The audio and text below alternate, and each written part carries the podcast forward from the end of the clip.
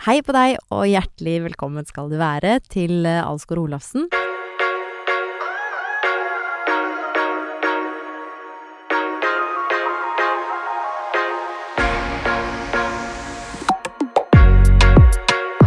I dag får vi spennende besøk. Ja. Eh, eh, hun er på en måte litt som Munch-museet. Alle har en mening. Man kan være enig eller uenig, men man har i hvert fall en eller annen mening om Sophie Elise. Ja, og du mener at det er stor kunst, det hun leverer? Eh, À la Munch? Ja, på, i sitt, eh, på sitt felt så er det på en måte ikke stor kunst, da. Hun er jo eh, Norges største influenser. Vært eh, aktuell i liksom Hun holdt seg aktuell i ti år. Ja, vi har jo sagt at vi vil eh, møte smarte, dyktige mennesker som har fått til i sine bransjer, og Sofie Elise er jo der. Absolutt. Og jeg syns Jeg alltid det er vanskelig å intervjue Sophie Elise, for det Ja, for du har jo gjort det noen ganger før, du. Ja. Du har jo rutine her. Ja, det vet ikke om jeg vil si det, men hun er i hvert fall um, jeg, jeg, Hun deler jo så mye, men allikevel så føler jeg ikke at jeg, at jeg kjenner henne, på en måte. Nei, kanskje det, ja. Så jeg syns det, det er eh, Jeg syns hun er spennende. Tror du Eh, hun har én person som er den offentlige, og så har hun, skifter hun litt når hun kommer hjem, eller at hun kan bli egentlig kanskje litt annerledes? Ikke sant? Det er disse tingene Ja. vi lurer på. Ikke sant? Er hun sånn? Eh, det er det som er sånn eh, Man lurer på masse ting med henne. Og jeg syns det er et paradoks at hun deler så mye med at hun er så mystisk. Ja. ja. For meg så er det bare helt ny verden, da. Ja. For jeg er jo interessert i mye rart, men akkurat der, den bransjen hennes og verden hennes, den har jeg liksom stengt litt ute. Det er, det er så kontrast til hva jeg gjør, mine interesser, mitt liv, alt sånt der. Så den blir jo liksom fjernt for meg. Så det, derfor er det kanskje litt ekstra spennende, da. ja, og hun driver jo Hun har jo en del businesser oppe og går også. Hun er jo på en måte en forretningskvinne. Uh, utover eh, selve liksom influensingen også. Ja, en pengemaskin. Ja, ja. Ja. Eh, ja Hun har ikke flytta til Sveits ennå. Nei da.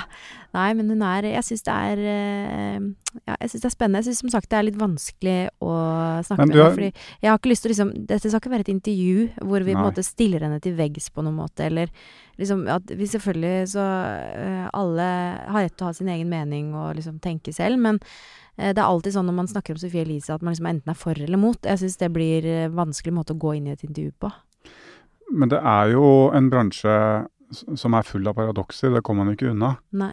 Så sånn sett så må man jo tørre å kanskje spørre litt om noen ting man reagerer på òg, da. Jeg vet ikke. Absolutt. Det er jo en, det er jo en tøff bransje, en beinhard bransje. Altså det er ganske digg, eh, syns jeg, å kunne ha vært skiløper, liksom. Stikke ja. i skauen og holde på midt aleine, liksom. Ingen bryr seg. Ja. På en tid hvor vi ikke var sosiale medier og ikke nettaviser, og var ingen som brydde seg. Men det syns jo deilig. sikkert uh, Sofie Elise Ja, ikke sant? For altså, det der greiene du har stått i med 71 grader nord i det siste, det er jo barnemat. Det er jo liksom Det driver hun med på daglig basis. Hun er jo alltid fortsatt Det er til frokost. Ofte liksom i midten Mm. av blesten. Tror jeg, Eh, og, jeg og Sofie Elise burde ha vært på 71 grader nord på Teams. ja, det tror jeg faktisk Tror det hadde vært bra? Det tror jeg hadde gått bra. Ja, Jeg har en følelse av det. Dere er jo liksom Hun starta jo på eh, hjemme på jenterommet i Harstad, hun også, med med bloggen eh, sin. Eh, og hun er vel egentlig en litt sånn eh, Det kan vi jo spørre om, men jeg tror hun i utgangspunktet er litt sånn introvert, hun også. Ja. Og det er jo, hvis du skal si sosiale medier er jo kommet for å bli, og det er jo en plattform hvor hvem som helst kan bli hva som helst, og på godt og vondt. da. Og det gode er jo at det åpner opp en ny verden og mange muligheter for mange som kanskje ikke passer inn i det etablerte. eller så, sånn. Ja, Det kan være redninger for mange til og med. Ja. Uten at jeg sier det er for Sofie Elise, men mange har kanskje Ja, litt fått sånn et nytt paralleller til gamingen som du driver litt med, kanskje, da. Absolutt. Og hun har jo virkelig liksom drømt om å bli eh, det hun er i dag, tror jeg. Eh, det er i hvert fall det Så hun satt eh, på jenterommet der og skrev, så ville hun liksom bort fra Harstad. Hun ville eh, leve et annet liv, og hun har jo Ja. Har du absolutt vært i klart Harstad, det. eller? Men så kommer det igjen, Har du vært i Harstad? ja, jeg har ikke vært i Harstad, faktisk. Men eh, da kommer det igjen sånn eh, Men eh, ikke sant. Ja. Det er Ja. mange, mange spørsmål. Altså, jeg, jeg gleder meg. Jeg Ja. syns det blir spennende. Men hva, når du har hatt henne på, som gjest på Senkveld, hva, hva er det vi ikke skal Hvilken felle skal vi ikke gå inn nå, da? Eller hva, hva Da var det litt andre, andre føringer, da. Når jeg snakka med henne altså sånn i, Jeg har snakket med henne utenfor intervjusetting Har også. Oi, Har du tatt på henne? Nei, Har du fått autografen? Selfie er det i dag, da. ja. Det er ikke autografen lenger. Nei, men øh, øh, det, hun er stor, da. ja, det, i Norge jeg hvem hun er hvem hun er. vanskelig med Sofie, er at jeg liksom føler at hun alltid har eh, riktig svar på, på, på, på lur. Eh, og så er jeg liksom usikker på så Det har vært veldig mye prat om ikke sant? Er det businessen Sofie Elise? Er det personen Sofie Elise? Ikke sant? Hvor går skillet? Eh, og jeg lurer på om hun på en måte har et eh, Om hun har et skille på det, da. Altså, hvor trekker hun grensa? Hva syns Ja. hun er eh, for mye Altså har hun noen grense på hva hun kan dele? Altså, jeg syns det er Jeg klarer ikke å se det utenfra, i hvert fall. Så ehm, jeg lurer på liksom Ja, jeg har lyst til å spørre henne om mange ting. ja. Jeg syns synes hun er fascinerende. Kjenner du igjen litt av det samme fra når du var snowboarder? At som snowboarder så er det en del ting du skal si og gjøre, og det er en del forventninger til hvem du skal være som person, men- så kanskje du kjenner at «Nei, du, jeg er bare Helene, og jeg bare syns det er gøy å kjøre snowboard. Jeg, det er ikke noe med det.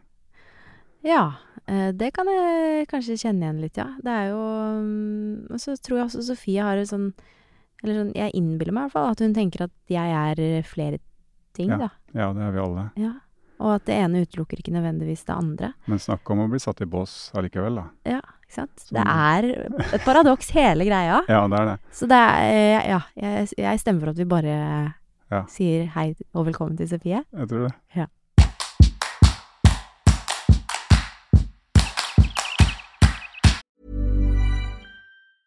Quality sleep is essential. That's why the Sleep Number Smart Bed is designed for your ever evolving sleep needs. Need a bed that's firmer or softer on either side? Helps you sleep at a comfortable temperature? Sleep Number Smart Beds let you individualize your comfort so you sleep better together. JD Power ranks Sleep Number number 1 in customer satisfaction with mattresses purchased in-store. And now, save 50% on the Sleep Number limited edition Smart Bed for a limited time. For JD Power 2023 award information, visit jdpower.com/awards. Only at a Sleep Number store or sleepnumber.com. Velkommen til oss, eh, Sofie Elise. det var en bra velkommen. Ja, var det ikke det? Jo. Men jeg må bare si med en gang, for jeg, jeg eh, er ikke representabel i dag. For jeg, jeg føler meg litt sånn eh, Du er litt sånn stilikon, og så kommer jeg her i svett treningstøy og kalk overalt. Jeg kom rett fra klatresenteret. Jeg Liksom. føler jo det samme om meg sjøl. Ikke at du er et stilikon, men, Eh, at, tusen takk. Det er veldig hyggelig at du sier. men at jeg kom hit veldig ufresh. eh, Så det skal du ikke tenke på. Ja, Hvor fikk du det fra, liksom? At jeg kom hit Og at du er ufresh nå? Oi, ja, det er nå bare de tingene at jeg ikke har sminka meg, eh, håret ble vått når det regna, og Ja. jeg er litt forkjølt, som man kanskje hører, og ikke har pynta meg. Bare. Du er ikke svett etter klatring? Nei, men jeg er svett fordi jeg, jeg bare har mensen, Altså. så er jeg ja. ikke så. Du snakker om noe annet. Jeg tenkte Ja. på Har du prøvd klatring? Uh, ja, men det er lenge siden. Men det er en sånn hobby jeg har tenkt at ja, det burde jeg gjort. Det er en idrett som du burde kaste deg på. For Ja. det er noen, noen idretter har noen fysiske forutsetninger er viktigere enn andre, liksom. Og du har jo sånn klatrekropp. Har jeg det? Ja, liten og lett. Men jeg, ja, når du sier det, jeg burde virkelig gjøre det fordi at jeg har så lite styrke i overkroppen, så jeg trenger å få det på. Ja, Så ja. Men Prøv det. eh, ja. kast deg i det. Du kan bli idrettsstjerne, ja, rett og slett. Har du drevet med idrett før, egentlig? Um, ja, jeg spilte håndball som de fleste på en måte har gjort Ja, ja. Uh, når de var unge, og så uh, taekwondo gikk jeg på en Ja. god stund. Eh, men, og nå spiller jeg jo tennis, Ja. Ehm, men jeg er ikke så veldig sportslig. Vi må ta en match en dag. Nei, Nei? for jeg er Til å ha spilt såpass lenge som jeg har, og med person, personlig trener, så er jeg utrolig dårlig. Ja, men jeg er også helt fersk, altså. Ja, men det er jo ikke jeg, da. Sånn, det er liksom press på meg, så Men jeg føler i hvert fall ingen vil møte Helene i noen ting, for at hun er best i alt. ja. Nei, I av nei. to minutter, så blir Jeg, det best. altså, jeg var mer sånn Kanskje jeg kan få en time barnefri, så kan Ja. jeg og spille tennis, og vi kan på senteret. Det går Ja. fint. Hvis- ja, okay. Hvis du skulle, bli, skulle vært en idrettsstjerne, da, hva, hva ville du vært stjerne i? Åh, da hadde jeg nok sagt tennis, egentlig. Ja, Er Eh. det, er det sånn Kasper Ruud-feber? Nei, for eh, jeg begynte med det før Kasper Ruud, Ja. uh, så bare sånn det jeg sagt. Jeg var der Mm, før. mm, um, det er antrekkene. Det er den sporten som har de fineste antrekkene. Det er en sexy sport. Mm, så det er derfor jeg hadde valgt. Sexy sport. Ja, det er det. Det er Altså- langrenn, er det? Nei. Trikot Jo, jo, jo. altså, ja, det er en sexy sport, og så er det også en gøy feriesport. Altså å dra steder der du kan spille tennis, og det hadde jeg valgt. Ja, men jeg har vært på ferie med kona noen ganger, og så skal vi spille tennis sånn, og det er bare helt sjanseløst. Så kommer aldri en ball i retur. Det Nei. er altså så Hun er god i veldig mye ting. Fantastisk eh, kone, men tennis, det kan hun ikke. Nei. Nei, jeg kan jo ikke det heller. ikke. Så Rett og slett. Hvordan har du det om dagen, Sofie Elise? Um, jeg har det ganske bra, egentlig. Mm. Uh, ja. Jeg vet ikke hva, hva mer man skal si. Jeg har det, jeg har det bra. Ja. Så bra. Ja. Det, er jo, det har ikke vært så mye stormer i det siste. Vi snakket om det litt før du kom inn, at eh, du har en sånn unik evne til å liksom ofte stå i mange stormer. ja. Eh, og så snakket vi om liksom sånn hvor mye du har tatt innover deg den siste 71 grader nord-stormen, og følt på det. Ja. Eh, eh, Gud, hva var det? Det fikk ikke jeg med meg. Nei, ikke sant. Så det er på det nivået der, da. Det er sånn du spiser til frokost hver dag, liksom. Ja, Men jeg syns det er helt jæklig, da. Jeg syns det er så vondt. Men hva var det som skjedde? Nei, det var bare at det var litt Det var ikke helt på Det skar seg litt, da. Ja, det skulle gå i team på 71 Ja. grader nord, og Ja. så var det ikke så god Det var ikke, stemning så på det var ikke noe team. Å ja, faen, det stemmer. Ja, nå husker jeg det. Sorry, nå Ja, husker jeg den stormen. Ja. Du og jeg kunne vært på det, tror jeg. Det kunne ha gått bra. Ja, To egentlig nordlendinger. eh, To nordlendinger? Nei, jeg er halvt nordlending. Oh, ok, ja. Eh, men eh, jo, jeg er ganske lite sånn konflikt... Nå så jo ikke jeg på det, dessverre. Men jeg er ikke sånn konfliktmenneske, så jeg tror jeg hadde vært enkel å ha med meg på tur, ja. Ja, men jeg har alle episodene på DVD, så jeg kan sende til deg. På DVD? Nei. Oh, okay. Ja, men jeg er 50 år, En da. spøk, for at Og du da var da synes jeg var liksom fresh av ungdommen da jeg sa DVD. Men uh, har du liksom blitt bedre på å stå Eller kjenner du fortsatt på sånne stormer? Eller hvordan takler du det? Um, Det er mange spørsmål samtidig her. Ja, det kommer an på hvordan type storm det er. Mm. Altså Hvis det er en som handler om meg, noe veldig personlig for meg, så gjør det jo selvfølgelig vondt. Fordi det er ikke alt man kan gå ut og forklare eller forsvare, for det handler ikke om bare meg, eller så er det veldig privat, sant. Uh, men hvis det handler om meg og jobb, så prøver jeg bare å ta det litt sånn systematisk, hvis man kan si det sånn. Ta Ja. det litt bit for bit og se om er det noe i det her, er det noe jeg kan gjøre noe med, eller mener jeg at jeg har riktig Altså, Ja. ja. Også, hva slags triks bruker du da? Skriver du ned liksom litt fakta i det for å få overblikk, eller Mm. bare tenker Nei. du deg gjennom det? Altså, det er jo veldig vanskelig å få overblikk over en storm, hvis man kan si det sånn. Hvis det er en Ja. veldig massiv mediestorm, så er det ikke noe jeg skriver ned, for da hadde det igjen blitt bare meg og min egen kverning av situasjonen. Men jeg er veldig heldig, og det har jeg tenkt på mye, at jeg tror jeg er unik i min posisjon fordi jeg har så mange folk rundt meg. Ja. Ikke management og ikke venner jeg tenker på, men at jeg kjenner mange eldre, kloke folk som jeg kan be om råd. Så det er jo Mm. én. Og så nå når Hvis man skal ta Farmen, og det jeg visste kom til å at jeg, Da visste jeg at det kom til å bli en storm. Så da ansatte jeg i forkant at det er bare sånn et PR-team, bare. Som okay. kunne være en vegg imellom der, da. Ja. Ja. Og hjelpe meg å håndtere den stormen. Men hvem er din eh, personlige liksom, trygge havn når, det, når du trenger litt ja, hjelp, støtte, hva som helst, noen å snakke med? Hvem, hvor går du hen? Pappa. Ja. Uh, ofte. Egentlig, ja. Pappa. Mm. Uh, og litt sånn jeg, jeg kjenner Erling Kagge ganske godt. Han er en sånn person. Jeg spør mye om råd og Mm. Ja. Ja, de Mm. to. Du har jo valgt en bransje som altså Det er jo enorm eksponering. Det er jo det du lever av, på en måte. Mm. Så det stormer jo jevnt og trutt. Det er jo høyt press hele tiden, da. Mm. Så du har sikkert en helt annen sånn terskel for når du opplever det ubehagelig, enn det jeg har. Ja, ja, det har jeg nok sikkert. Ja. det har jeg. Ja. Du har vel også eh, evnen, eller makten, til å på en måte plante en storm også, hvis du vil? Ja, men det tror jeg nok ikke jeg ville ha gjort bevisst, i alle fall. Mm. Uh, jeg ville ikke provosere med vilje. Det kan man nok si at jeg i de første årene av karrieren min kunne ha gjort, for det var litt sånn flowen i det hele. Mm. Blant alle, da. At man provoserte litt med vilje, og man var ung og man ga litt faen. Men nå kunne jeg ikke ha gjort det, også fordi at jeg skal beskytte resten av businessen min, så jeg prøver aldri å gjøre noe med vilje, da. Men jeg forstår jo også hva som provoserer, men hvis det er en del av meg som er personligheten min, og det er provoserende, så demper jeg jo ikke den heller. Nei. Så ja. Mm. Og da er det liksom enklere å stå i det eventuelt, da. Ja, for jeg står veldig i hvem jeg er. Sånn Ja. såpass Jeg tror man vokser litt opp på rekordfart hvis man hele tiden må ta stilling til å forklare valgene dine fra du er veldig ung. Jeg ble kjent når jeg var 16, og hvis alt fra det blir pirka på, så lærer du fort hvem du er, og hva du står for. Ja, for jeg synes altså Det der syns jeg er vanskelig. For jeg har nesten litt sånn medieskrekk, altså. Fordi at Mm. eh, jeg, jeg føler at liksom alt blir vridd og vendt på. Mm. Og jeg er så på en måte redd for å bli oppfatta feil, da. Ja, ja jeg har òg medieskrekk, det har jeg. Ja. Eh, og jeg har blitt mer redd etter hvert som årene har gått for å dele private ting, fordi jeg Mm. vil ikke at det skal bli en overskrift tatt ut av kontekst, f.eks. Mm. Men er ikke det en, en bra greie med sosiale medier? Der kan du jo på en måte være din egen journalist. Du kan Ja. skrive dine egne saker med dine egne ord. Du kan Litt, litt kan man det, men så blir jo det òg noen gang tatt litt ut av kontekst, fordi man kan jo bli sitert på det, og så blir det satt sammen med noe helt Ja, annet, eller en kommentar fra noen. Altså, så jeg noen ganger nå er mer liksom Istedenfor å hoppe på alt Ja. folk mener, så holder jeg meg litt mer sånn stille i båten. Ja, for Det det er her har vi også eh, har vi snakket Dette her er Du er en liten sånn gåte og et paradoks, fordi det, Mhm. jeg sa liksom du er litt som Munch-museet, at alle har liksom en mening om deg, og det er alltid masse sånn Det snakkes alltid om Sophie Elise, Ja. men er det på en måte eh, Jeg jeg føler at du deler jo Jeg føler at du deler mye, Mm. men allikevel så kjenner jeg deg ikke. Mm. Mm.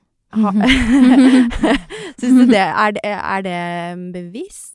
Kanskje Eh. blir tydeligere skille etter hvert, eller? Um, jeg føler at Ja, hvordan skal man svare på det, da? Det er så vanskelig å analysere seg sjøl utenfra på den måten. Veldig. Jeg syns jo ikke jeg er så interessant som at jeg er verdt å snakke At alle skal snakke om meg. Det syns jeg ikke. Sånn eh, Det blir nesten som et press, bare det. Sånn mm. Så spennende er det ikke, syns jeg, da. Mm. Men samtidig er jo det på en måte må jo ha vært et mål også for å kunne ha det som et levebrød. Mm. Og liksom drive det godt. Ja, ja, absolutt. Så må du jo komme dit, da. Ja, Det er altså, også et paradoks. ja, jeg vet det, så det er vanskelig. Jeg har jo jeg har jo drevet med langrenn, liksom. Jeg har holdt på i skauen aleine, liksom, fordi jeg elska det. Og så har alt det mediebiten Mm. som på 90-tallet var Det var VG og Dagbladet papiravis med Mm. deadline klokka 11, sant. Mm. Det var jo ekstremt ukomplisert. Mm. Men det var et kjempehassel, syns jeg. Det Mm. var så i veien og ødeleggende. For jeg ville bare være i skauen aleine og drive med Mm. mitt. Det er på en måte ikke akkurat det samme, men grunnmuren i det jeg gjør, er jo at jeg liker å skrive, og så har jo det vært grunnen til at jeg har kommet dit jeg er, fordi jeg er flink på det. Ja. Så i en annen virkelighet så kunne jeg jo kanskje bare vært eh, forfatter eller journalist eller et eller annet, men så har det jo blitt det det har blitt, da. Men så kunne du se for deg noe i nærheten av det, hvis du tenker ti år tilbake, når du begynte, liksom? At det skulle bli dette? Ja. uh, ja egentlig. Jeg så for meg noe lignende. Ja, det gjorde jeg. Jeg har alltid visst hvor jeg skulle. Fra jeg starta bloggen, så var det med en ambisjon om å komme hit jeg er i dag, ish. Ja. Til podkasten til Alsgaard og Ja, det var det, jeg, det var det jeg visualiserte da. Men det her hadde jo helt på ekte vært liksom Altså, jeg sikta kanskje ikke så høyt, men sånn Jeg husker når jeg var med på Skal vi danse, jeg hadde sånn man hadde den Allstar. At du var jo med i den episoden også, eh, men da var det Jorunn Stiansen som dansa med meg. Jeg husker så godt når jeg var liten og så på henne vinne Idol. Ja. Og da tenkte jeg at hvis noen hadde sagt til meg da at jeg bare var på hils med Jorunn Stiansen en eller annen gang, så hadde det vært sånn what?! Og så Ja. at hun da skulle være sånn guest star i min Skal vi danse, så var jeg sånn wow, liksom. Alt ble så mye større enn jeg trodde da. Ja. Så det er noen ganger jeg får sånne øyeblikk, og jeg er veldig, veldig takknemlig hver eneste dag for, for alt jeg har. Ja, men Blir man vant til det, liksom, eller kjenner du fortsatt når noen kommer og skal ha selfie og sånn Hvorfor? hvorfor? Nei, gud, det er jeg vant til. Det er jeg Ja, vant til. men tenker du sånn Ja, men meg, hvorfor, hvorfor skal du ha selfie med meg? Eller hvorfor Nei. er jeg så interessant Jeg for deg? vet jo at jeg er Sophie Elise. Det er der jeg ikke henger med, da. Jeg klarer ikke så å tenke sånn. Jeg burde ha lært. Jeg skulle ønske jeg hadde lært det.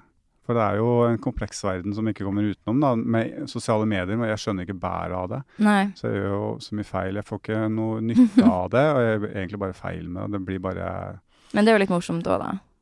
Du er jo på sosiale medier. Dette her er jo et sosialt medie. Ja, det Akkurat kanskje- det vi gjør nå. Ja, Ja. ja. Mm. Nå koser vi oss. Ja, Ja. Ja, nettopp. Det er Ja. Du har knekt koden, du òg. Trenger ikke være komplisert. Nei, sant. Men når du liksom tenk, eh, eh, tenker da, altså når du satt Du har holdt deg aktuell i, i ti, over ti år. Du Mm. starta vel i 2011 eller noe sånt? Ja, riktig. bloggen. 2011, ja. Er det Altså, jeg vil jo tro at veien Du har ikke klart å liksom planlegge. Alt veien har blitt til mens, den, Mm. eh, mens du har gått. Men hva eh, Altså, føler du at du ville gjort noe annerledes? Eller eh, hvordan Hva har du liksom lært på veien, hvis det går an å svare på det, da?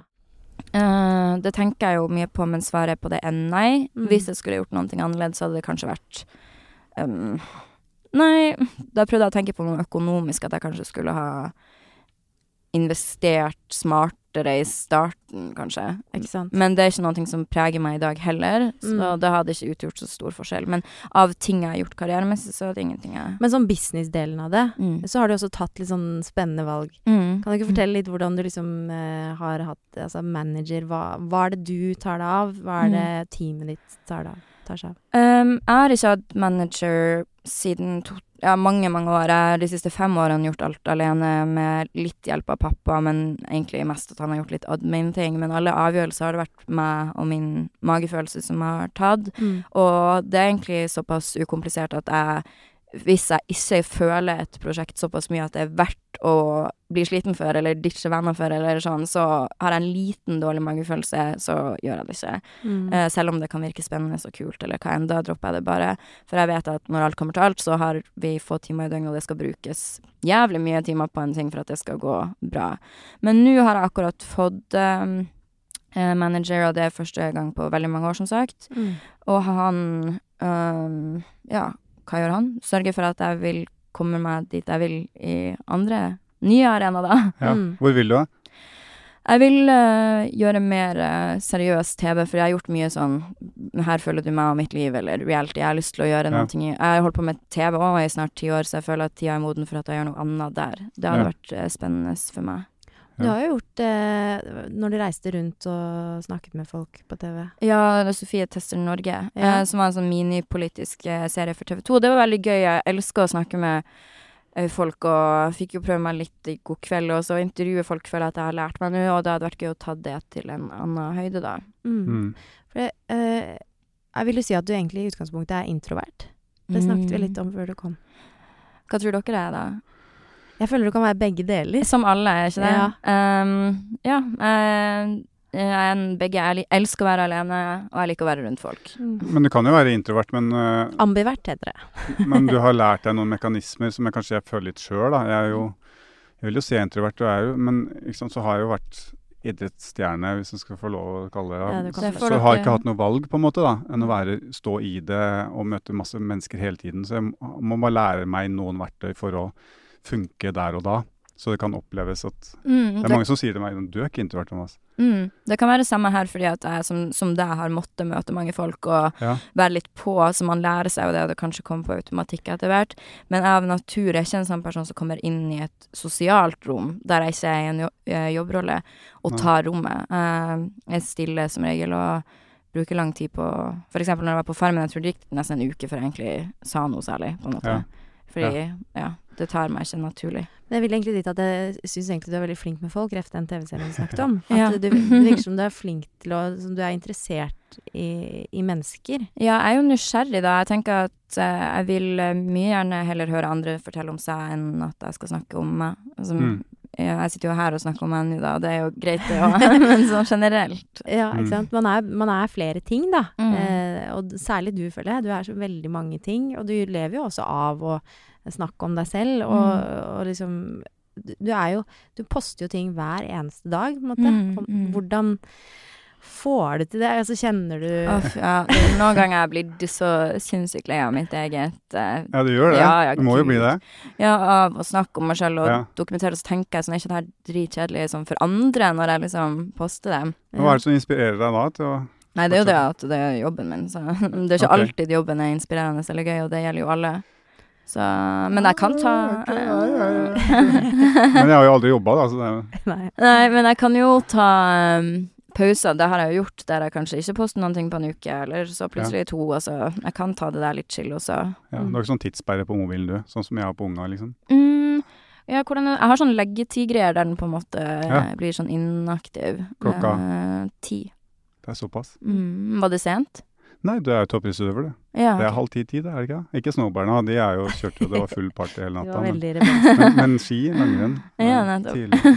Men hvordan eh, Altså, eh, utenfra så eh, føler jeg liksom at du på en måte eh, finner deg selv opp, altså du, Mm. på nytt, liksom. Mm, Eller mm. utvikler deg, da, for å bruke et annet ord. ja. Hvordan klarer du å gjøre det? Det er ikke bevisst, egentlig. Jeg tror det har litt med det du nevnte i stad, at jeg er nysgjerrig på folk, og ved å være åpen også for folk og meg sjøl, så forandrer man seg jo. Jeg syns ikke det er noe rart eller dumt at jeg var annerledes i fjor enn i år, fordi jeg lærer jo nye ting og utvikler meg, og eh, jeg er ikke så låst på at det her er den jeg er, det er mitt image, det er mitt brand. Jeg er åpen Mm. for at det kan skifte helt, hvis det Mm. er det som er meg. Men jeg kunne aldri ha gått inn og vært sånn og det var en grunn til at det ikke føltes riktig for meg å ha management heller, for det kan fort bli sånn Vi ser deg som denne profilen, og for at du skal komme dit, så gjør jeg XYZ. Mens jeg er Mm. mer sånn Profilen min kommer av at jeg blir sånn, og det går ikke an å planlegge.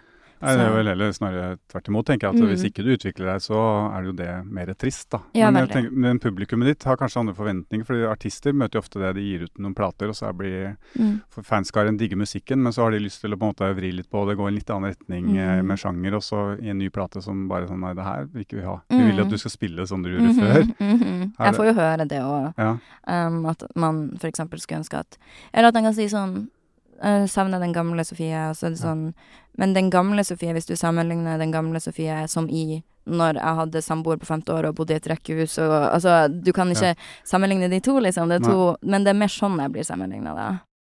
Men når du sier at du blir lei av å poste på Instagram, føler du noen gang litt på skam også? Ja, jeg er gæren. altså, det gjør jeg. Mer sånn skam av at jeg tenker oi. Ja.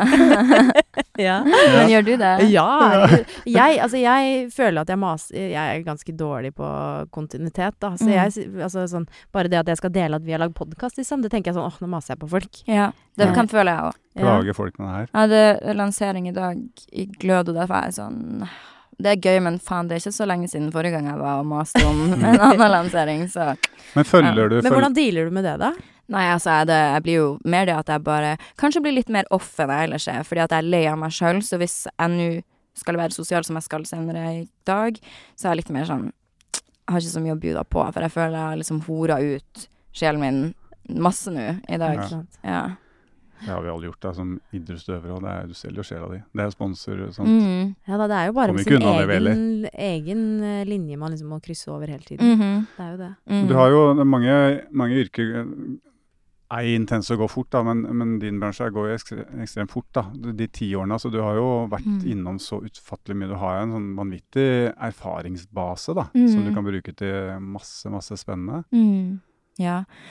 Det, jeg har jo en kompetanse innenfor i alle fall merkevarebygging og kommunikasjon, da, som bare har kommet uten å gå på skole, og det er jo ganske gøy. Ja, og takle folk også. Takle kommentarer, Mm. alt det der. Det er jo noe verktøy det der òg, som er verdifulle for folk, da. Jeg syns at de gangene jeg ser det best, og jeg liker det best de erfaringene, er når jeg får brukt det på privaten. Sånn at hvis jeg er veldig god på å ta tilbakemeldinger fra venner og familie hvis det er ting jeg gjør dårlig eller feil. Jeg blir aldri sur, for jeg er så vant til det sant, fra, fra jobb. Så jeg er alltid sånn At folk blir sjokkert over at jeg blir liksom aldri sur, da. Så det er jo en fin ting. Er du aldri sur? Nesten aldri. Det skal Aldri jævlig mye til for at jeg blir sur sånn på privaten. Nei, faen, ikke forbanna. Men sånn, når, du, når du krangler med Fetisha på Sofie Elises verden, da? Ja, det er jo nå også noen år siden, men Ja. det, som, det snakker vi mye om at meg da, kanskje fordi jeg ikke var helt fornøyd med generelt livssituasjonen min, så var jeg jo mer deppa da. Men Mm. jeg tror det er, sikkert, det er sikkert over et år siden jeg har krangla med noen, liksom. Mm. Så, eller vært sur, for så vidt. en annen ting jeg også lurer på i den sammenhengen, når, du, når det skjer da, når du krangler og så vet du at du er på kamera Da tenker jeg bare det er bra, fordi vi er på kamera. Du gjør det? det? Ja, heller Ja. når vi har en serie sammen, så heller at jeg er på kamera enn off. Ja, ok. Det er jo bra, vi er jo på jobb, så det her er selger jo. Du lager content, liksom? Ja, ja, så Ja. Sånn, det, her er, det her vet jeg blir brukt i promoen, husker jeg tenkte etterpå. Ja? Fy fader, der er vi forskjellige, ass. Det kan Ja. jeg si. Men det er verre sånn som du har opplevd å, eh, liksom, å være på reality med andre deltakere som Ja. du egentlig ikke kjenner og krangle. Den er skikkelig kjip. Jeg tenkte Ja. masse på det på Farmen, hvordan jeg kommer til å bli fremstilt. Hva kommer de andre til å synes? Okay. At du er en konkurranse i tillegg, så det gjør det verre. Mm. Jeg er ikke et konkurransemenneske. Jeg eier ikke konkurranseinstinkt, så derfor kan jeg synes det blir vanskelig. Tror du jeg og Helene er konkurransemennesker? Absolutt. Konkurranseinstinkt? Tror du det? Absolutt. Absolutt. Jeg føler ikke jeg har det. Ikke jeg heller. Hæ? Nei. Men uh, dere har begge vært med på Skal vi danse, var dere ikke sånn veldig Oi, det her skal jeg naile, og det skal være dritbra, jeg skal vinne, typ. Jeg hadde Nei. veldig lyst til å bare Aldri. Mitt mål med Skal vi danse var sånn Jeg håper jeg syns det blir gøy å danse. Og du vant og fikk en mann og barn. Ja. jeg fikk litt ekstra. Ja. Jeg, jeg bare tapte. Ja. Hvorfor, hvorfor var det du trakk deg derfra igjen? Jeg trakk meg fordi um, For det første så var det helt sinnssykt mye som skjedde. Jeg hadde ga ut bok mens jeg var der. Jeg filma uh, Sofie Elises verden og ville ikke filme dansinga, for det var jo allerede på TV, så det var så sinnssykt lange dager. Men så var det òg det at jeg, den sendinga der man skal hylle en person, uh, så hylla jeg en venn av meg som hadde tatt livet sitt uh, ett og et halvt år før, eller noe sånt. Og når jeg liksom gjorde den hyllinga, og så var det akkurat som om det traff meg litt da, så jeg fikk en veldig Mm. sen reaksjon, for han var jo min beste venn, sant. Mm. Og så bare var jeg sånn Jeg klarer ikke mer. Nå, jeg tenkte sånn Nå har jeg én sjanse til å ordentlig stå opp for meg sjøl. Hvis jeg ikke sier nei nå, så kommer jeg aldri til å si nei. Da kommer jeg bare til å overarbeide meg sjøl. Så det var når det på en måte var vanskeligst å ta en pause, at jeg tenkte at nå må jeg gjøre det. Ja. Hvis jeg angrer på en ting, så kan det jo være det. At jeg gjorde det, at jeg trakk meg da. Så det er hardt arbeid, altså. Mange i min sjanger, av hvite menn som pusher 50, vil jeg si sånn influenser, hva er det for noe? Du tar et bilde, og så legger ut Mm. to setninger eh, om dagen. Hva er det? Det er ikke noe jobb, det. ja, det er akkurat Det er på en måte en Jeg tror at hvis jeg hadde vært kun influenser, så hadde jeg sikkert vært enig. Ja. Uh, litt Altså, det er jo selvfølgelig mer bak det enn det. Det er jo mailing, og det er jo planlegging, og det er jo det der med å eksponere seg sjøl, planlegge bilder, legge ut den teksten, ha en kommunikasjon. Det kan jo tære på det, Mm. men eh, selve hvis jeg kun var influenser, så ville jeg sagt at jeg hadde hatt en ganske chill jobb. Det er liksom Brasta-ord òg. Influenser, da. Enda vi Mm. alltid har jo hatt Vi har jo alltid påvirka hverandre, og noen Mm. har jo påvirka flere enn andre. Mm. Ja, ja. Du var jo også influenser. Du Sikkert skulle få folk til å kjøpe. Men det har jo alltid fantes også, på en måte. Så jeg sier sånn Marilyn Monroe Altså, det Mm. har jo alltid Ja, ja. vært liksom Det har Mm. bare kanskje tatt en litt annen form. Mm, Ja. Det har det. Men jeg tror det er det at influenser er på en måte noe du bare kan kalle deg. Altså det å være en Åpen tittel. Det er ikke- det er ikke beskyttet ja. Men det er sånn, har du liksom ikke egentlig så mange følgere, og du egentlig ikke genererer noen ting, er du egentlig ikke så jævlig god på det du gjør, så kan du allikevel klassifisere som influenser. Mm. Men du kan ikke bare si 'jeg er kjendis', du må faktisk være det. Eller du kan ikke si 'jeg er toppidrettsutøver', du må være det, da. Ja, Jeg tror det er derfor mange ser litt ned på den influensergreia, for det blir så bredt, og det Ja. er så utrolig mange som kan kalle seg det. Det jeg sliter jeg med nå. Jeg jobber litt med gamere, med e-sport. Mm. Og de vil jo liksom De vil at e-sport skal være toppidrett, og de vil Mm. være toppidrettsutøvere. Mm. Da sier jeg sånn det, det er greit, men det er kun fordi du ikke aner hva det innebærer. Ja. Det, det, er ikke en yrkestittel, det er en livsstil. Ja, det er det. Mm. det, er det. Hva føler du skiller deg fra andre influensere? Mm. Kanskje Altså, nå er vi jo vi alle forskjellige også, men eh, kanskje at jeg er veldig opptatt av å jobbe hardt. Altså, jeg- det sier ikke at andre ikke er det, men jeg er opptatt av å utvikle meg og gjøre nye ting, og se hvor jeg kan ta merkevaren min ut av bare at det her er riktig å poste på Instagram, eller det her er estetisk fint, så prøver jeg å tenke merkevaren min litt større, da. Mm. For du begynner jo å bygge deg liksom et imperium. Er det, altså det er det, Vi må ramse opp. Det er glød, og så er det Egentlig ikke så mye mer. Nei, men det er glød. ja, det er Jeg glad. had- så ikke noe annet også. Det skulle, var det ikke noen solbriller? Jo, det Ja. holder vi på med, så det er et selskap som vi lanserer nå i juni. Ja.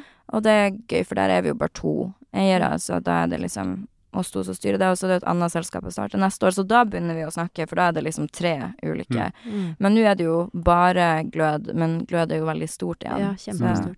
Men hvor eh, liksom, Hvis du skal se for deg ti år frem i tid, har du Mm. liksom noen drømmer? Jeg klarer aldri å se for meg, fordi for ti år siden så hadde jeg aldri egentlig sett for meg akkurat det her heller. Jeg kunne ikke Mm. tenkt meg til glød eller alt som jeg har opplevd, så Nei. Jeg vet ikke om ti år, men jeg tenker jo at innen den tid, ok, om ti år så er jeg 36 Nei, gud, hvor gammel er jeg? 37 er jeg da. Um, da har jeg jo sikkert barn, og livet er annerledes. Du har lyst på det? Det, Ja. Da er det i hvert fall annerledes. Ja. Det kan vi Mm. Det er det. ja. uh, så da har jeg sikkert barn, og eh, dem vil jeg ikke eksponere. Det har jeg alltid sagt, så Mm. Ja. ja. Tror du du klarer å holde det? Mm. Det er mange som har sagt det. Ja, Jeg sjøl òg. ja, ja. Jeg legger ut bilder av dem. Ja, men uh, jeg vet hvor mye hat jeg får, og det er Ja. ikke noe jeg vil sette på eh, barna mine, da. Nei. Så det er jo igjen en litt annen situasjon. Mm. Mm. Men vil du råde unge gutter og jenter til å på en måte gå i dine fotspor? Altså Sosiale medier er en enorm mulighet av å kunne bli hva du vil og, og hvem du vil. Jeg tenker at det viktigste er jo at man har noen ting som du føler verden har behov for at du kommuniserer. Ikke sånn 'jeg skal bli kjent', eller ja. Ja. Så hvis du bare sitter og er sånn 'jeg vil bli influenser', som jeg er sånn 'ok, men hvorfor', eller hva, hva er det du skal melde, da? Så det er ikke en folkerett, liksom. Nei, menneskerett å bli influenser? Nei, det er jo ikke det, men folk tror jo det, da. At Ja. det nesten er en menneskerett å kunne få masse følgere og sånt. Du må jo Ja. være interessant. Mm. Hvis jeg skal være litt den, den gamle gråhåra siderumpa fyren her, da, så kan jeg sånn en sånn bekymring i utviklingen da, med sosiale medier, med mm. hvordan ting fungerer. Jeg, dag sånn, jeg vokste opp med Mine helter var jo noen som hadde på en måte jobba og gjort ting riktig og hardt over lang tid, og så Mm. lykkes med det. Mens i dag er det på en måte Det kan være en kort vei til suksess. Liksom, du kan bare melde deg i, i, i noe, å være gæren nok. Ja, det er det som er mitt problem med det òg, og det Ja. er derfor jeg tror at mange som er influensere eh, og gjør det ordentlig, eller hva man skal si, også har et problem med den tittelen, fordi at du kan, som du sier, bare eh, være kontroversiell og gæren, for Ja. du har sett at det funker, og så har du egentlig kanskje ingen arbeidsmoral, eller du Det blir litt sånn mm, Ja. Hvilke, hvilke utfordringer er det i det i framtiden? Med dine barn, f.eks., som vokser opp med liksom de, de gærne, spontane som Det er forbildene, og det er det de vil bli òg. Jeg var satser på at meg og barnets far eh, er såpass kule at eh, de ikke ender opp med å synes at det er det kuleste i verden. Hvem er barnets far? Nei, det vet jo ikke vi ennå. Hvordan, hvordan ser han ut? Han er vel um, Hvordan skal han være? nordlending. Ja, selvfølgelig. 100% Ja. Det er alltid det alle kjærestene mine har vært det. mm. Tror jeg. Så cirka. Jeg får ofte høre at halvt nordlendinger kan være det beste. det får det. Jeg skal ha 100, 100% nordlending. Skal være ren rase. Mhm. Ellers ingen krav. Nei. Hvem syns du er flinke der ute? Følger du mange mennesker, altså Mm. men hvem er flinke til å liksom blende seg sjøl, ta vare på seg og sitt? I Norge Ja. um, Der sier jeg ikke for å være sånn ingen er flink, for det er veldig mange flinke. Jeg syns Vita Ja. og Wanda er flinke. Ja. Jeg syns uh, Camilla Pil er flink. Jeg syns uh, Anniken Jørgensen er flink. Ja. Fordi at de alle er flinke til å uh, ha en eh, tett interaksjon med følgerne sine. Man merker at de responderer, og at de eh, hører på publikummet sitt. da. Ja. Mm. Og at det er kvalitet i tingene de gjør, også når de utvider businessen sin. Det syns jeg er kult. I Topprid er vi veldig sånn stolt av Det er en veldig sånn sunn sånn delingskultur Mm. på alt mulig. Mm. Så hvis jeg ser noen har fått til noe, så kan jeg bare ringe og si hei, hva har du gjort den siste tida? Kan jeg lære av det? Kan, jeg, gjør dere det? Ja. ehm, ja, jeg føler at man blir bedre og bedre på det. Og så er man flink til å støtte eh, Ja. Når andre i bransjen lanserer noen ting, at man heier på det. Ja. Sånn var det kanskje. Det er noen som er veldig dårlige på det, men de alle tre jeg nevnte nå, er veldig gode på det. Ja. Mm. Alle fire, for jeg nevnte jo Vita og Wanda. Jeg glemmer jo at det er to personer. Ikke Det er ikke det, det er ett. Du sier at du er glad i å skrive, og du skriver jo en del på Instagram også. Noen ganger så er det liksom litt sånn Det føles ut som jeg er inne i en liten eh, Ja, en liten bok eller en, Mm. en dikt, eller liksom litt sånn innblikk i hjernen din. Noen ganger så er det sånn Er dette ekte, eller er det noe du tenker deg? Mm. Eh, og jeg husker i høst så var det jo Så skrev du litt om sånn eh, at du var ensom, og at, måtte liksom, at du var, eh, måtte venne deg til å være alene og sånn. Mm. Nå må jeg gå tilbake i hodet mitt og tenke, for det, det, jeg husker ikke det sjøl. Men så kommer det jo frem da i ettertid at du kanskje ikke var det, på en måte. For da var det Det var jo da etter innspillingen, Farmen-innspillingen. mm. Hvordan forholder du deg til liksom det, det? Jeg tror nok at det jeg skrev var ekte fordi etter Farmen- eh, Farmen-innspillinga, ja, jeg har vært med Isak, men det har jo for det første vært et avstandsforhold, og så har det jo vært eh, liksom en overlapp Altså det var jo ikke sånn superlett med en gang etter eh, Farmen-greia. Det vil jeg tro. Eh, så da Det var sikkert veldig ekte det jeg skrev. Jeg tror aldri at jeg ville Iallfall ikke nå i voksen alder, ha dikta opp en kjip situasjon, hvis jeg Mm. skjønner. Hvis Mm. jeg skriver om en dårlig følelse, så er den der. For jeg vil helst ikke dele dårlige følelser. Så ja. Du lever jo på en måte av å dele ditt liv, men kjenner jo av og til likevel litt sånn at det kan være litt skremmende at for, for ganske lang framtid så Mm. vil du ikke kunne ha, få ha noe for deg sjøl, da. Ja. Kanskje viktige ting eh, som Ja, ja, det er noen ting jeg ikke direkte angrer på at jeg har delt, fordi, men sånn som når man skriver bøker, da, så må du gå dit det er ubehagelig for at det skal bli en bra bok. Og Mm. da kan man noen ganger tenke sånn shit, det her har jeg skrevet, og det er der ute for alltid. Og Mm. noen ganger nesten få litt indre stress på grunn av ting jeg har skrevet. Eh, for det går jo aldri an å ta det tilbake. Men det får jeg bare stå i. Det meste med bøkene. At det, Mm. det Ja. kan være vanskelig å Mm. tenke på. Ja, for du har jo liksom eh, skrevet om livet ditt fra du var kjempeung. Mm. Så du har sikkert fått litt trening i det også. Mm, absolutt. Bruker du det fortsatt som en slags eh, Og- terapi? Å skrive. Ja. Ja, det tror jeg alltid kommer til å være. Hvis jeg kunne valgt én ting av de tingene jeg gjør, så hadde det vært å bare skrive. Ja, det elsker jeg. Mm. eh, Henter du til Henter du fram igjen liksom gamle ting du har skrevet, for å liksom se hvem, eh, er jeg, hvem var jeg, og hvem er jeg nå? og Ikke miste seg sjøl på et vis i en sånn Mm. lang reise, eller? Nei, men jeg husker så Jeg, jeg føler at jeg generelt i livet er så takknemlig, så jeg trenger ikke ta det fram for å minne meg på reisen jeg har hatt, men jeg, mer for å eh, Bare kan ta fram bøkene jeg har skrevet av rent sånn praktiske årsaker for å se hvordan jeg har utvikla meg forfattermessig, men ikke som person. For det Mm. husker jeg så godt, Ja. den personlige reisen jeg har hatt. Mm. Ja. Mm. Jeg syns det, det er kult, for det er liksom Ja, eh, det- sånn som for eksempel når du sier at eh, sånn, Jeg ofte tenker sånn Hvis jeg sier det, så utelukker jeg det. Mm. Men det virker som du er egentlig ganske sånn flink på å liksom kjenne på én ting av gangen. Ja, og så tror jeg at det er jo en ting man lærer av å stå i så mange stormer, da. At vi er veldig komplekse alle sammen. Og jeg blir dømt så mye av andre at jeg kan ikke dømme meg sjøl. Så jeg er veldig sånn Det er lov å føle på det, men også det. Og det er lov Mm. å ha gjort noe jævlig, men være en god person. Altså, og så videre. Så jeg Mm. utelukker ikke deler av meg sjøl. Men det er jo ganske sånn Du blir dømt så hardt av så mange, så du kan ikke dømme deg sjøl. Men jeg er litt sånn Jeg dømmer meg sjøl enda hardere enn andre dømmer meg. Ja. Hvordan skal jeg klare å Mm. bli, lære at jeg- Da skal jeg i hvert fall ikke dømme meg sjøl. Nei, altså, jeg tenker at jeg er veldig Det er en forskjell på meg fra uh, ett år siden, to år siden, at nå er jeg oppriktig veldig, veldig glad i meg sjøl, og jeg tror at det krevde at jeg skulle gjøre noen ting jeg sjøl Jeg har alltid stått så inne for alt jeg gjør, men når alt med Farmen skjedde, jeg på en måte ikke helt sto inne for uh, ting jeg hadde gjort Jeg måtte gå gjennom en sånn for å bli ordentlig glad i meg sjøl. Ja. Uh, så derfor dømmer jeg ikke meg sjøl, jeg prøver heller å forstå meg sjøl. Ja. og tilgi meg sjøl og ja. Mm. Hva er det du angrer mest på at du har gjort det? Mm, sånn i livet mitt Ja, ja. Um, hmm, Ingenting. Jeg Ingenting. tenker på det ofte, men at, Det må jo være noe. at jeg opererte rumpa, det angrer jeg på. Hvorfor gjorde du det? Det lurer jeg på. Hvorfor vil, hvorfor vil unge kvinner ha Kardashian-rumpe, som jeg syns er helt forferdelig stygt? Takk.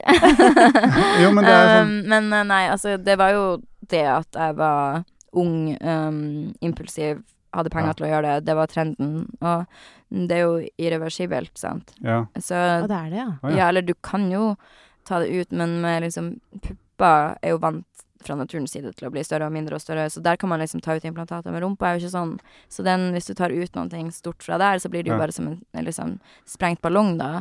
Så um, der, der er jeg stuck. Og det kan jeg kjenne noen gang på sånn Gud, jeg skal ha det her til jeg er 80 år, eller du vet. Så det blir sånn åh, ja men det er jo gud. stykket igjen til Kardashian, da. Ja, det har jeg, så uh, takk, det er mindre enn det. Men så er det sånn Fader, der, det er typisk når man er ung, man tar liksom valg som Ja. skal være med deg hele livet, og så tenker du deg ikke om. Jeg har alltid blitt mobba for eh, øyenbryn. Det er sånn gjenganger. Alltid. Det har vært siden Lillehammer 94 liksom, jeg slo gjennom. Hva var det de mobba? det er fortsatt er det, Når jeg får sånn 71 grader nord-kritikk, så er det sånn Forbaska i det sånn. Og én ting til slutt. Kan du ikke bare barbere de jævla øyenbrynene dine? Og så tenker jeg sånn Ja, jeg kan jo gjøre det, men hvis jeg gjør det, da vil du bare finne Da ser du bare at fortenna mine er skeive, liksom. mm. Og det Er det fortennene skeiv? Okay. Jeg kan rette opp de òg, men da finner du bare noe annet. Så du kommer aldri i mål, da. Mm. Mm, I know. Men når kommer du i mål? Eller tenker du hvis du gjør noe, dukker du ikke bare opp noe annet som da er gærent? Nei, det er alltid føler- noe som henger etter, liksom. Ja, nei, jeg føler meg veldig pen, eller sånn, så jeg tenker ikke på det utseendemessige. Hvis Nei. noen kritiserer meg nå på utseendet mitt, så bryr de meg ikke noe om det. Nei. Ja. Og det med rumpa er jeg jo enig i, så jeg blir ikke sur hvis noen sier det heller. Så Men jeg tenker sånn eh, hva Jeg vet at du har svart på dette sikkert Mm. en million ganger, men hvorfor, liksom? Du har jo alltid vært pen. Ja, det kan man jo si. Eh, men jeg tenker at eh, det der er jo en sånn lang diskusjon, og der man kan si at jeg følte jo ikke det. Jeg angrer ikke på noen ting jeg har gjort, eller at jeg har tatt valg som gjorde at jeg ble mer fornøyd med meg sjøl, bortsett fra rumpa, da. Som var Mm. impulsivt og dumt, men ingenting annet angrer jeg på. Mm. Får du ikke litt sånn vondt av den unge Sofie Elise som hadde det vondt for å Eller sånn Jo, men Som da ble følte at hun ikke var god nok, på en måte? Jo, men jeg ble også glad for at jeg gjorde noe med det. For jeg tror at hvis jeg hadde latt være fordi andre skulle dømme meg, så hadde Ja. jeg jo også vært ulykkelig. Sant? Ja. Og da hadde jeg sikkert fortsatt vært det. Ja. For eneste argumentet mitt da, og nå for å ha latt være, var jo at andre kom til å ikke like det. Men Ja. det handler jo om hva jeg liker. Mm. Så eh, jeg er vondt for henne, men takknemlig for at jeg sitter på andre sida veldig glad. Ja. Så ja. En annen ting jeg har lurt på, det hopper litt her. Ja ja, men gud, hopp i vei. Ja. Jeg tenkte sånn eh, Altså, du sitter jo på eh, enormt mye kunnskap, og du er liksom best på det du gjør. Altså sånn også i det som kan eh, tallfestes. For eksempel så har jeg hørt at du er liksom den som eh, konverterer mest. Altså når du legger ut en salgslink, så er det liksom Mm. eh, din kanaler der som genererer mest salg. Mm. Har du noen sånn, altså, hvor, har du noen sånn tips til folk som ønsker å nå ut med sine ting? Hva er eh, Hvordan skal man gjøre det? Mm, eh, grunnen til at jeg konverterer best, er jo fordi jeg er konsistent Hva heter det? Konsistent i det du Konsekvent, gjør? ja. Ja, konsekvent. Ja. Jeg, altså at jeg, jeg poster ikke bare og gir de dagene jeg skal tjene penger på noen ting. Mm. Jeg er med og gir og er på alltid, så og tipser om ting som jeg ikke får betalt for, og jeg er tilgjengelig for følgerne mine. Det er derfor jeg konverterer, for de stoler på meg, og med Mm. god grunn. Så, um, så hvis du har lyst til å lykkes med det du gjør, så altså jeg jobber like hardt nå som jeg tjener mange millioner på dette, som når jeg tjente null, så du må alltid liksom Altså aldri ta noe for gitt, da. Så hvis Thomas og jeg Vi har jo snakket om at vi, Thomas er veldig god på vin. Ja. vi har lyst til å lage en uh, vin. ja. Ja. Men nå, nå beit jeg meg kanskje litt grann selv i leggen, hvis det er uttrykket. Men uh, må, vi snakket jo om at målet med den var ikke nødvendigvis å selge den, da. Nei, ikke sant.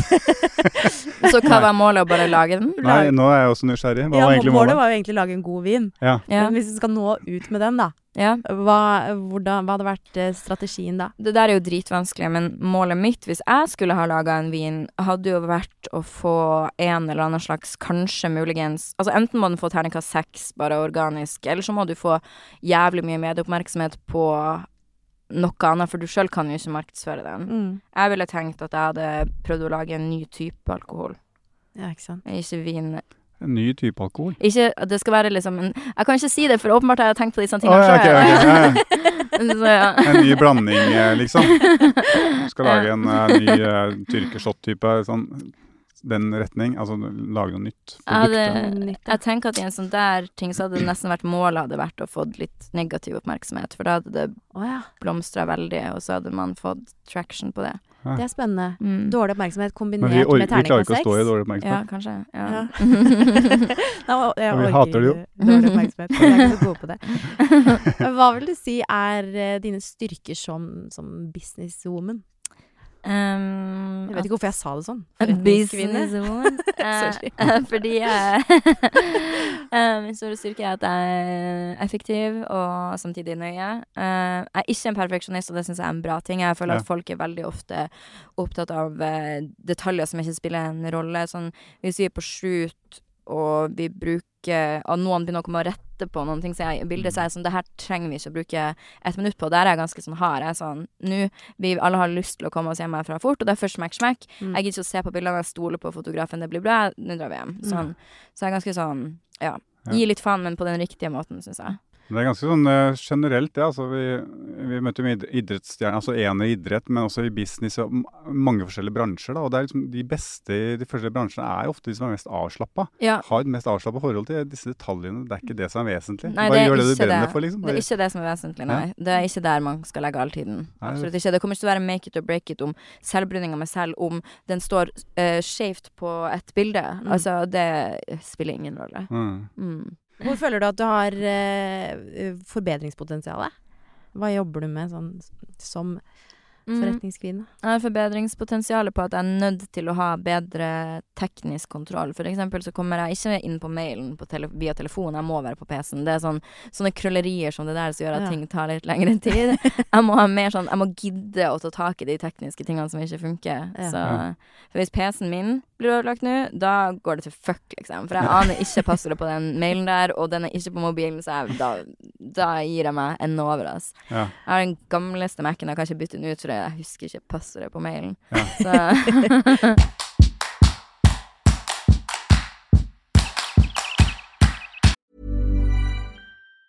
Planning for your next trip?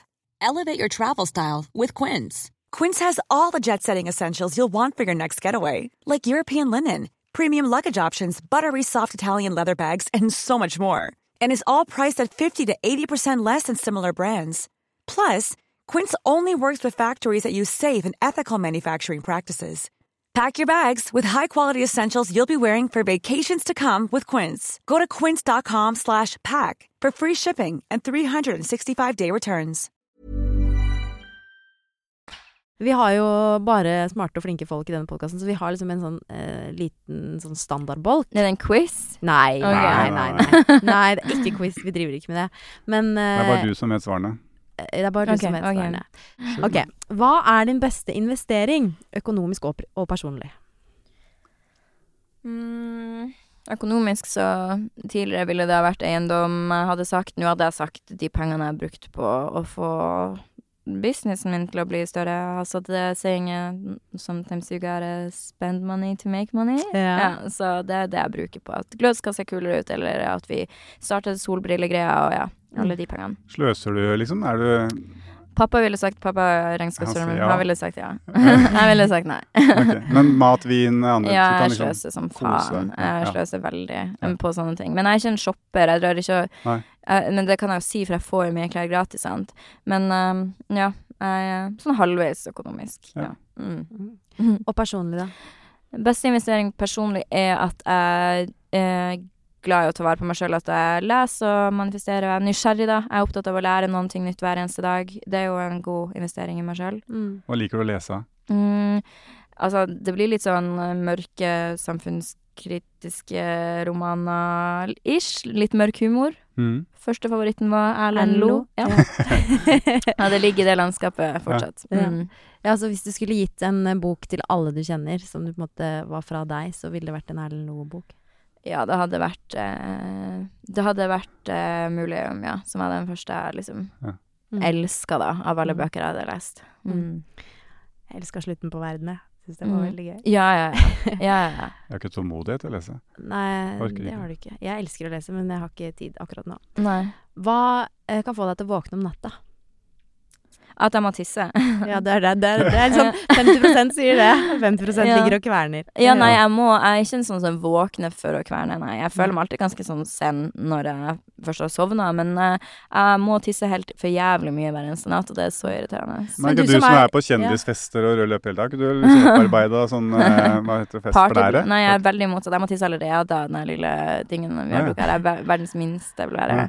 Men akkurat det er jo litt sånn fint å få skjønne hvordan For du som på måte Du er jo på jobb hele tiden, Mm, egentlig. mm. Eller i hvert fall sånn utenfra, så Mm. føler jeg at du er det. Mm. Hvordan klarer du å legge fra deg tankekjøret og jobben før du legger deg? Hvordan får du Det er jo litt det at jeg tenker sånn at det er alltid sånne ting å gjøre, men begynner jeg å gjøre alt det å gjøre, så sitter jeg våken hele natta. Så jeg heller bare prøver å ha en konkret plan for hva som skjer i morgen, og hvordan jeg skal rekke ting, og så går det fint. Ja. Ja. Lager du morgendagens plan før du legger deg? Ja, jeg gjør det. Skriv skriver ned bare på Jeg har jo kalender, selvfølgelig, men så skriver jeg et notat på telefonen sånn Mm. Gjør dette, dette, dette i den rekkefølgen, og så kommer du igjennom. Ja. Det er ikke dumt, altså. Mm. Hva er den største feilen du har gjort, og som du har lært mest av? Nå har du sagt at du ikke angrer på ting. Da. Ja, men jeg kan jo Jeg har gjort mange feil. Mm. Ja. Vi har allerede vært innom én. en annen var kanskje å Hm Største feilen jeg har gjort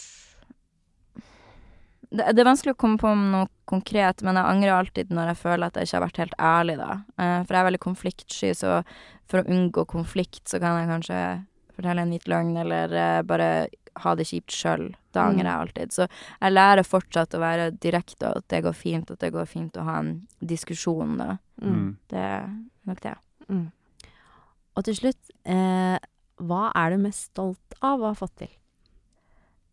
Jeg er stolt over at jeg fortsatt er meg, at etter alle disse årene og all den kritikken, at jeg har beholdt kjernen av den jeg er, selv om jeg er blitt eldre og alt det. Så jeg er fortsatt den samme, da. Det er jeg stolt av. Mm. Mm. Så fint. Eh, tusen hjertelig takk for at du kom, Sofie. Tusen takk for at jeg fikk komme. Veldig gøy å snakke med deg. Jeg føler kanskje jeg kjenner deg litt bedre. Ja, det håper jeg. Og lært masse. Vi må prøve å re... Vi må tenke litt mer kreativt på den vinen, tenker jeg, Thomas. Jeg tror Ja. faktisk Ja. vi må finne på noe nytt. Det kan du få som manager nå, da. Ja, Så kanskje, litt kan... Sofie Elise kan bli Mm. Du kan gå over til å bli manager. Det kanskje jeg gjør en gang. Ja. Mm. Takk for at du kom. Tusen takk.